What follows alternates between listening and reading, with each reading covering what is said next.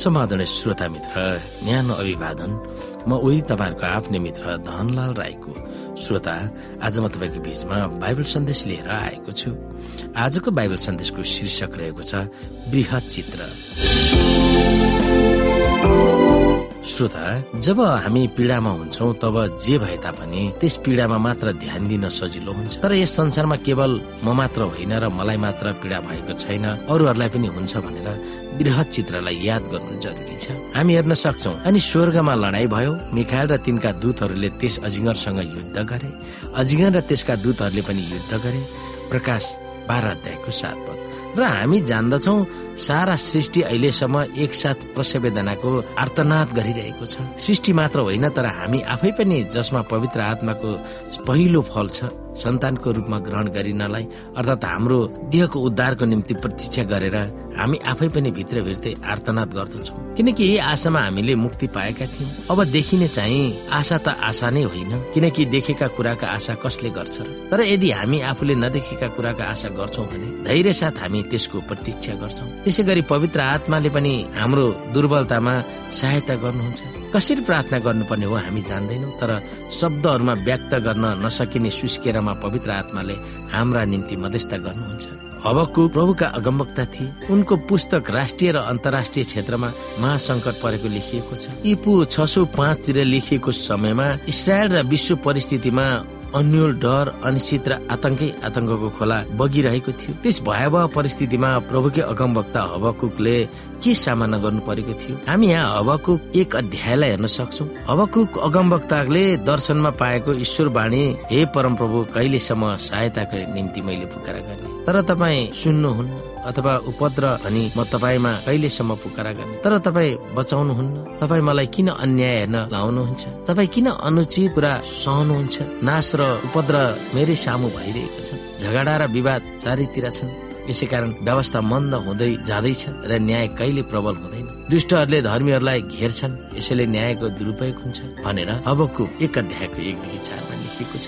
त्यस परिस्थितिमा प्रभुले हवकुकलाई यो भन्न सक्नुहुन्थ्यो होला। आखिरमा उहाँहरूको बीचमा सम्पर्क त थियो नै होला। यो त धेरै नराम्रो र डरलाग्दो भावना तिमीले व्यक्त गर्यो। मेरो प्रिय हवकुक म तुरन्तै आएर तिमीलाई सहायता गर्नेछु। र उहाँले त्यसको उल्टो पो जवाफ दिनुभयो। तिमीले भगिरहेको भन्दा अझ नराम्रो हुनेछ। प्रभुले उनको आगोमा घिउ पो थपिदिनु भयो जाति जातिलाई निहालेर हेर तिमीहरूलाई हेरेर छक्क पर किनभने म तिम्रा दिनमा त्यस्तो काम गर्छु जो तिमीलाई भने पनि तिमीले विश्वास गर्ने छैन।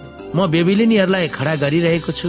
निष्ठुर उग्र जाति जो अर्काको वासस्थान खोज्न सारा पृथ्वी भर नै बढेर जान्छ। तिनीहरू डरलाग्दा र भयानक मानिसहरू छन्। तिनीहरू आफैमा आफ्नो व्यवस्था हुन् र आफ्नै मान मर्यादा बढाउँछन्। तिनीहरूका घोडाहरू चितुवा भन्दा चाँडो कुद्ने र बेलुकी निस्कने बाँसहरू भन्दा क्रूर छन्। तिनीहरूका घोडचडी सेना अधोमुख कुद्छ तिनीहरूका घोडचडीहरू टाढादेखि आउँछन्। तिनीहरू शिकार निर्णयलाई बेग हानेर उड्ने गिद्ध चाहिँ अघि बढ्छन्। तिनीहरू सबै उपद्र गर्नलाई नै आउँछन्। तिनीहरूको सैन्य दल मरुभूमिको हुरी चाहिँ अघि बढ्छ र कैदीहरूलाई बालुवा जस्तै जम्मा गर्छ। तिनीहरूले राजाहरूलाई हाँसीमा उडाउँछन् र शासकहरूको ठट्टा गर्छन्। किल्ला भएका सबै सहरलाई देखेर तिनीहरू हाँस्छन् र माटोको ढिस्कुरो बनाएर तिनीहरूले ती कब्जा गर्छन्। तब तिनीहरू बतास चाहिँ बेगसित आउँछन् र जान्छन्। ती दोषी मानिसहरू हुन् जसको सामर्थ्य नै तिनीहरूको देवता हो।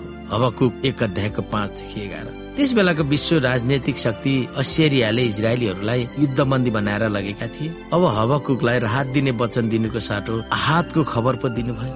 यहुदाहरूलाई पनि बेबिलोनको सैनिकहरूले कब्जा गरेर लगिनेछ अनि अत्यन्तै पीडादायी भएर सुकले अबकु फेरि टिच्याउँछन्। हे परम प्रभु के तपाईँ सनातनदेखि नै हुनुहुन्न र मेरा परम पवित्र हामी मर्ने छैनौँ? हे परम प्रभु तपाईँले तिनीहरूलाई न्यायको निम्ति नियुक्त गर्नुभएको छ। हे चट्टान सजाय दिनलाई तपाईँले तिनीहरूलाई अभिषेक गर्नुभएको छ। तपाईँको दृष्टि यति शुद्ध छ कि तपाईँ दुष्ट कुरा गर्ने हेर्न सक्नुहुन्न खराबी देखेर तपाईँ सहन सक्नुहुन्न। त्यसो भए छल गर्ने मानिसहरूलाई किन तपाईँ सहनुहुन्छ? आफूभन्दा धर्मी मानिसहरूलाई दुष्टहरूले निल्दा तपाईँ किन चुप लाग्नुहुन्छ? तपाईँले मानिसहरूलाई समुद्रका माछा र शासक बिनाको घस्रने जन्तुहरू तुल्य बनाउनु भएको छ। दुष्ट शत्रुले ती सबैलाई बल्छीले उठाइलान्छ र तिनलाई जालमा पक्रन्छ। त्यसले तिनीहरूलाई महाजालमा थुपार्छ। यसकारण त्यो रमाउँछ र खुसी हुन्छ। यसै कारण त्यसले आफ्नो जाललाई बलि चढाउँछ र महाजालको लागि धुप बाल्छ। किनकि तीद्वारै त्यो सुख चैनमा बस्छ र उत्तम भोजनको मजा लिन्छ। के त्यसले आफ्नो जाल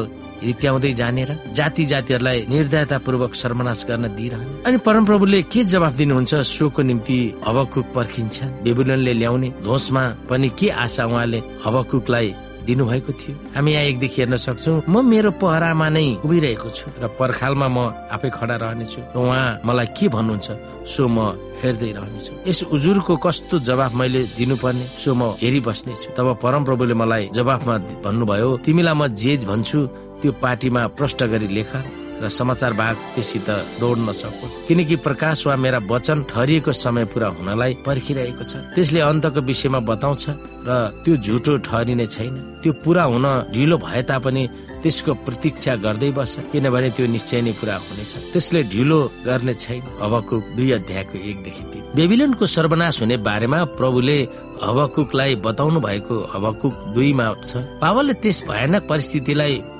भविष्यमा हुने मसियालाई औल्याएको आवाज दिँदछन् हिब्रू दश अध्यायको सैतिसदेखि उन्चालिसमा र हबकुक दुई अध्यायको तिनलाई यसरी इङ्गित गर्दछ किनकि अब एकै छिनमा आउनु हुने चाहिँ आउनु नै हुनेछ र बिहालो गर्नु हुने छैन। तर मेरो धार्मिक जन चाहिँ विश्वासद्वारा बाँच्नेछ र ऊ यदि पछि हट्छ भने त ऊसँग खुसी हुने छैन। तर हामी पछि हट्ने र विनाश पारिरहने मध्येका होइनौ तर विश्वास गरी बचाइएकाहरू मध्येका हौ। तत्कालीन विश्व राजनैतिक र भौगोलिक साम्राज्यको नाश हुनेछ भनेर ठोकुवा गरिँदा यस संसारमा धर्म राजनैतिक र आत्मिकको नवमा प्रभुको जनहरूलाई सताउने महान बेबिलोनको पनि अन्त्य हुनेछ भनेर प्रकाश अठारको दुईले बताउँदछ। बिचरा हावाको उनको वरिपरि घेरिएका अनेकौं महान खराब र दुष्टहरूको बीचमा र अझ झन नराम्रो हुनेछ भनेर प्रभुले आगोमा घिउ थप्नु भएको बीचको धरापमा परेका थिए। यथार्थमा मुक्तिको इतिहासमा हामी पनि त्यही परिस्थितिमा हामी पाउँछौ। हाम्रा वरिपरि सामाजिक धार्मिक अनैतिक राजनैतिक दुष्ट चालहरूले घेरिरहेका छन्। अझ ती भन्दा खराबहरू आउनेछन् भनेर बाइबलले पो भन्दछन्। हवकु यस परिवेशमा कसरी बाँच्न सफल भयो भने उनले बृहत चित्रण थाहा पाउन पाएका थिए। त्यसकारण अध्याय तिनमा उनले अत्यन्तै अचम्मको प्रार्थना र स्थिति प्रभुलाई चढाउँछन्। किनकि तत्काल अत्यत्यायी परिस्थिति भए तापनि उहाँले भविष्यमा के गर्ने हुनेछ सो उनलाई थाहा दिएको थियो। श्रोता साथी आजको लागि बाइबल सन्देश यति नै। हस्त नमस्ते। जय मसिंह।